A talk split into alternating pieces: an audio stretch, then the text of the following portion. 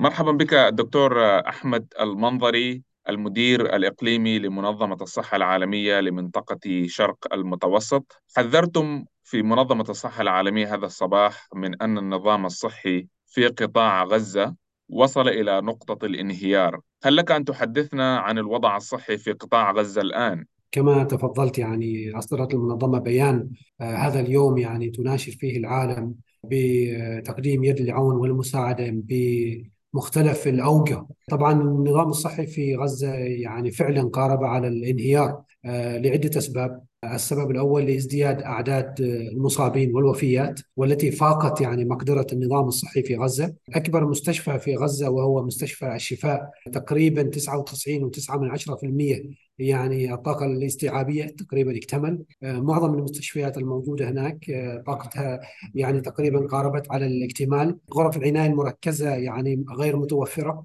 غرف العمليات ملآنة وهي على مدار الساعة تعمل. إضافة إلى ذلك هناك نقص يعني في المستلزمات الطبية نقص في الدم ومشتقاته. هناك نقص يعني في إمدادات المياه والكهرباء والوقود خلال الساعات القادمة. إن لم يتوفر هذا ستكون هناك معاناة حقيقية. إضافة إلى ذلك أخي الفاضل يعني هناك للأسف استهداف للمؤسسات الصحية بمختلف مستوياتها. منذ بداية الأزمة يعني حتى الآن تم تسجيل ما يقارب من 76 هجمة على المؤسسات الصحية 34 منها في غزة و42 منها في الضفة الغربية. أدى إلى وفاة 11 تقريبا عامل صحي.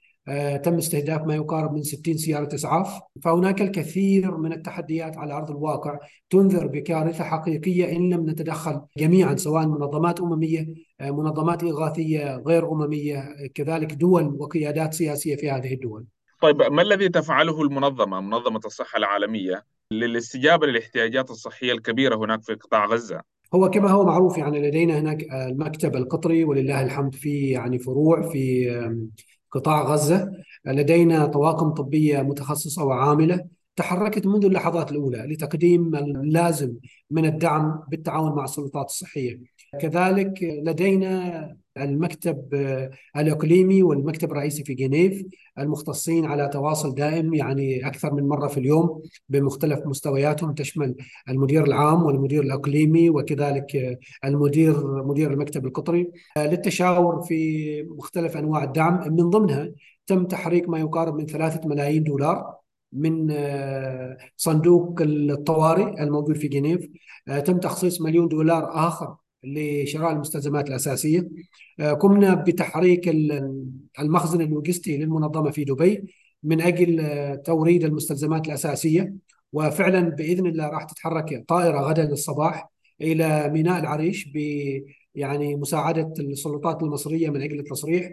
هذه الشحنة يعني تشمل مستلزمات طبية مواد إغاثية مواد جراحية دم ومشتقاته أدوية يعني معينات مختبرية وكذلك محاليل وريدية. قمنا كذلك بتخصيص أفراد من طواقم طبية متخصصة في مختلف المجالات. هي على إهبة الاستعداد. للدخول إلى قطاع غزة وعدد منهم سيصلوا إلى مكتب المكتب الإقليمي في القاهرة بإذن الله خلال اليومين القادمين.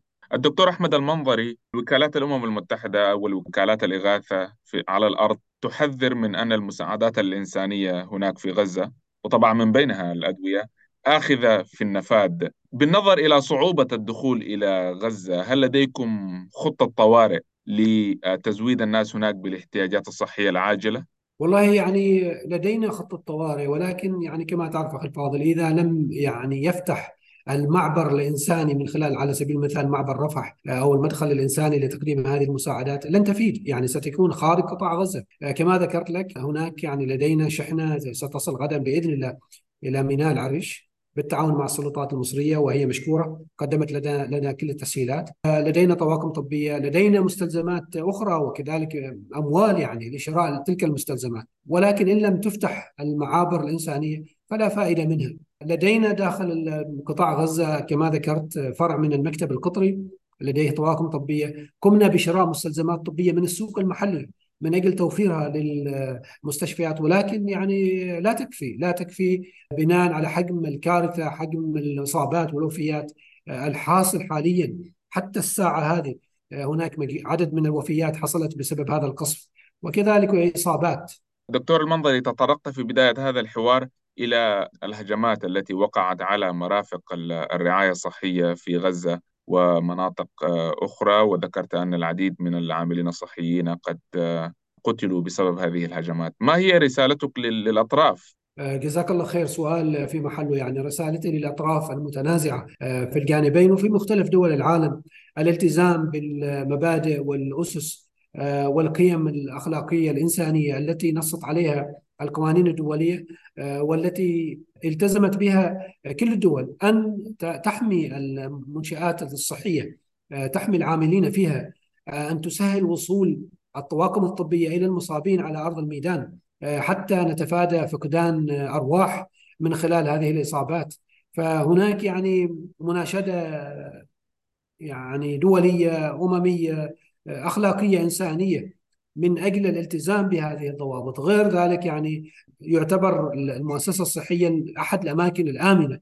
فإذا استهدفت فقدنا الأمن والأمان يعني والسلم والسلام على أرض الواقع. شكرا جزيلا الدكتور أحمد المنظري المدير الإقليمي لمنظمة الصحة العالمية لمنطقة الشرق الأوسط. حدثنا عن العمل الذي تقوم به منظمة الصحة العالمية لمساعدة الناس هناك. شكرا جزيلا.